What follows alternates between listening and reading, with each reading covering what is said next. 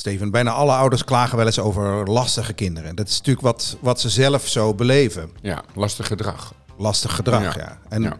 eh, is dat cultuur bepaald of wat lastig is? Ja, dat is zeker. eh, nou, wat normaal is, is cultuur bepaald. Dus ik, ik ken een verhaal van iemand die ging naar Afrika. eh, en die ging in het dorpshuis vertellen dat het niet oké was om je kinderen te slaan. Want die werden behoorlijk door elkaar gemapt. En eh, toen waren een keer mensen uit het dorp bij haar. En zij vond dat haar kind zich misdroeg. En die zetten het toen even op de gang. Dus die verstoten het eigenlijk lichamelijk even. En toen was ze in één klap al haar gezag kwijt, omdat dat was pas kindermishandeling. Dus als je kind slaat, ja, dan blijf je wel bij elkaar tenminste. Je houdt in ieder geval Maar- contact. Juist, je houdt contact. En, ehm, nou, en dat was dus daar totaal niet normaal om je kind dan even een time-out te geven. Dus zo zie je maar weer eh, hoe, hoe bepalend de relationele omgeving is voor, om vast te stellen wat normaal is en wat niet normaal is. Oké, nou we gaan, we gaan het dus hebben over lastig gedrag. Normaal lastig gedrag. Precies. Dus wat wij in Nederland eh, normaal vinden, wat daar de betekenis van is. Ja. En hoe we daar als ouder mee om kunnen gaan. Je luistert naar de 018 Benners en Pondcast. De podcast over de ontwikkeling van kinderen tussen de 0 en 18 jaar. De podcast wordt gepresenteerd door twee vaders. Steven Pont, ontwikkelingspsycholoog en systeemtherapeut, oprichter van het internetplatform 018.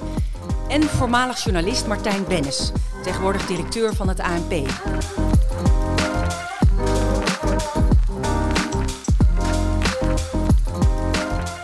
En heb jij nog een quote gevonden, Martijn? Ja, van omdenken. Ja. En die luidt: lastig gedrag is ruwe energie, ongestold verlangen. Een behoefte die zich op een stuntelige manier probeert vorm te geven. Heer, heer. Dat is een mooie ingang om, eh, om het geheel eens even te bekijken. Ja. Nou ja, we zijn het er dus over eens dat eh, lastig gedrag is ook een vorm van communicatie. Misschien een beetje stuntelig, maar het is een vorm van, van aandacht vragen.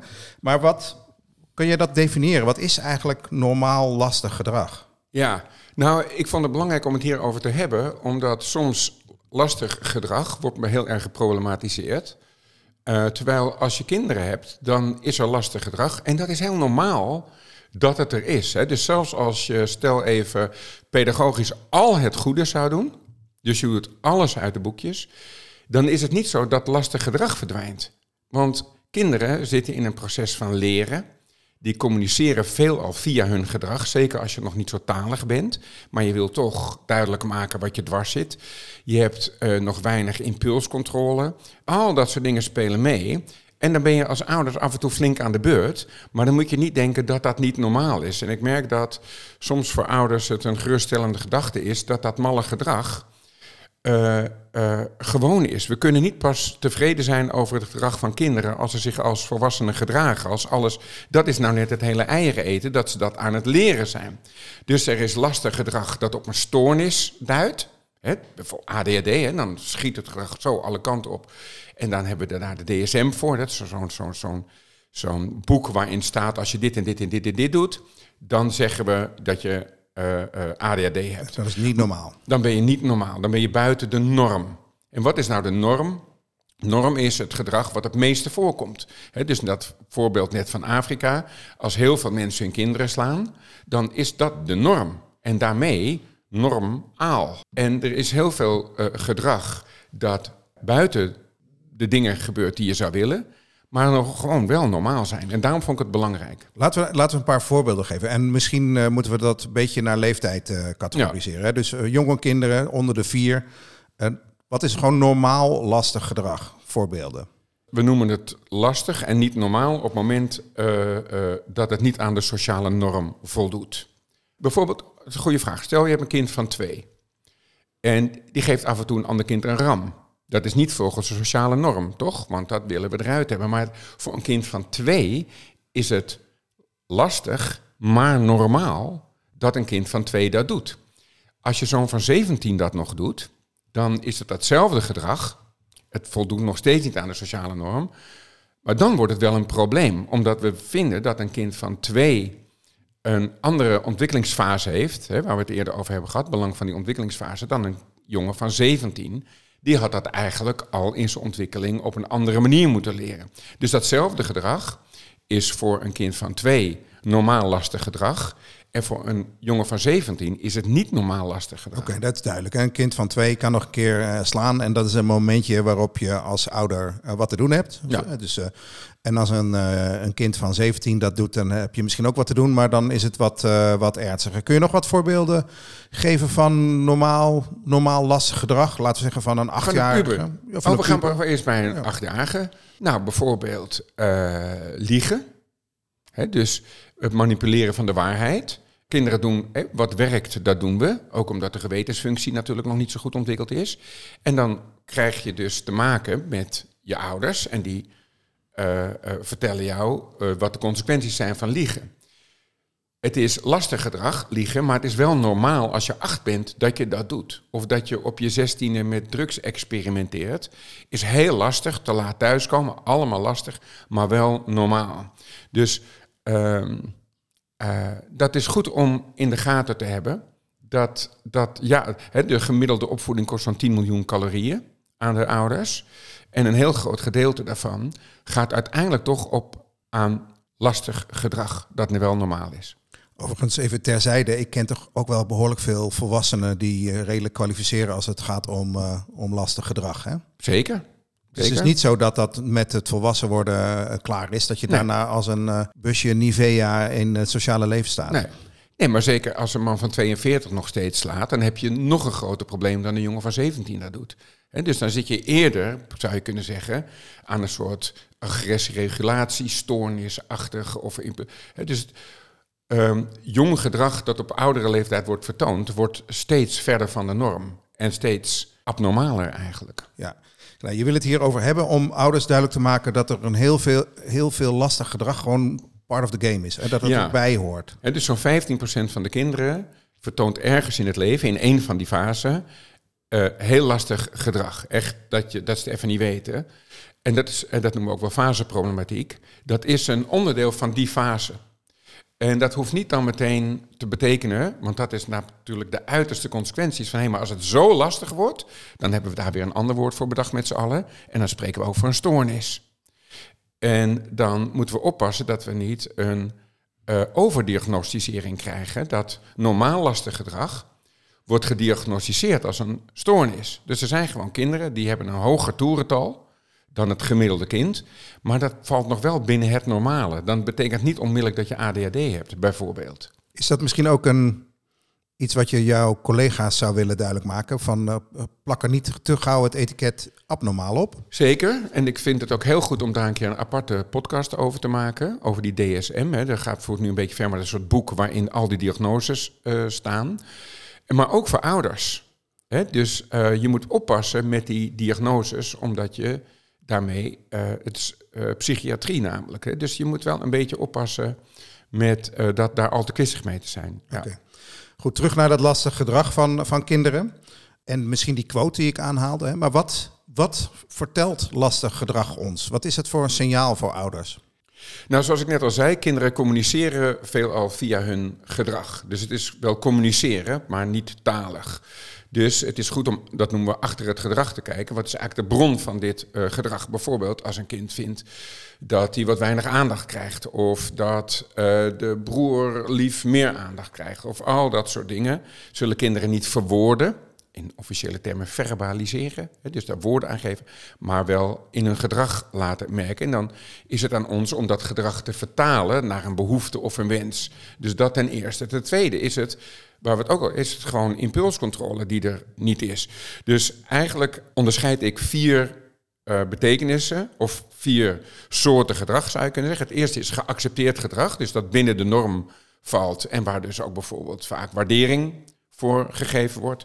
Het tweede is getolereerd gedrag, hè, dus dat het is niet helemaal, maar je tolereert het, maar je reageert er niet op. Hè, je negeert het bijvoorbeeld. Dan is er werkelijk afgekeurd gedrag, hè, waar je je afkeuring, soms richting straf, hè, om weer binnen de norm uh, te komen. En de vierde soort is, en dan ben je echt helemaal buiten uh, de norm.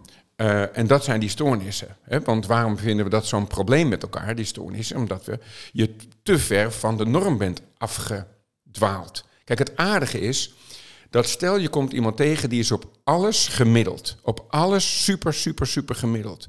Dat is een hele saai, saaie man of vrouw, toch? Dus die is een soort glas water is dat. Je persoonlijkheid is eigenlijk alles waar je niet precies gemiddeld in bent.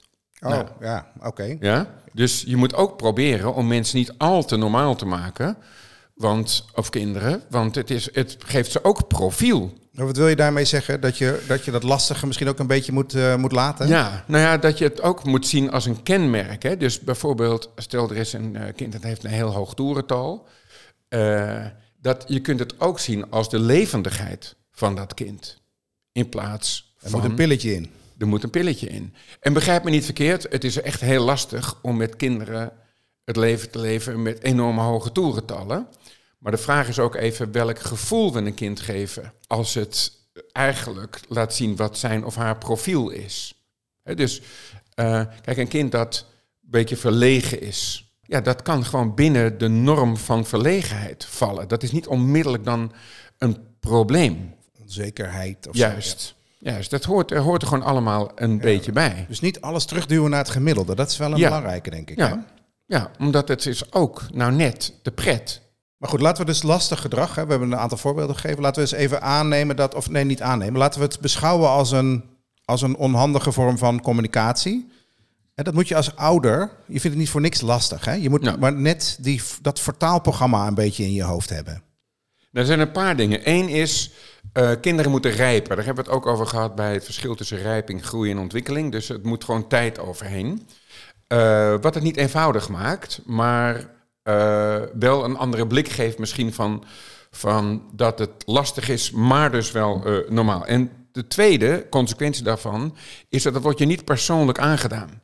Dus dat lastige gedrag hoort gewoon bij kinderen op een bepaalde leeftijd. En als jij denkt dat het tegen jou gericht is, dat hoeft het niet noodzakelijkerwijs eh, te zijn. En En het is wel een belangrijk punt, als ik even mag onderbreken. Ja, heel graag, Ik denk graag. namelijk dat ouders heel vaak het gevoel hebben, Ja. terwijl ze wel weten dat het anders is, maar dit doe jij mij aan, Ja, kleuter. ja, ze doen het je wel aan, maar ze doen het je niet persoonlijk aan. Als ze een andere ouder hadden gehad, waar, waren ze ook eh, eh, in, de, in de supermarkt ter aarde gestort als ze een dropje wilden. Dus je moet er wel wat mee, maar het gaat niet over jou als persoon. Ja, Dus dat is wel belangrijk, dat je niet denkt het gaat over Martijn. En het is ook lastig, hè? Dus, je, het, het, is wanneer reageer je wel als het niet hoeft en wanneer reageer je niet als het eigenlijk wel eh, zou moeten. En met name bij wat lastiger gedrag, hè? Dat, is- het kan wel een probleem zijn zonder dat het, dat het meteen die stoornis is waar ik het net over had. Dan is het van belang om bijvoorbeeld met de leerkrachten hè, of met de pedagogisch medewerker van het kinderdagverblijf om een gemeenschappelijke aanpak af te spreken.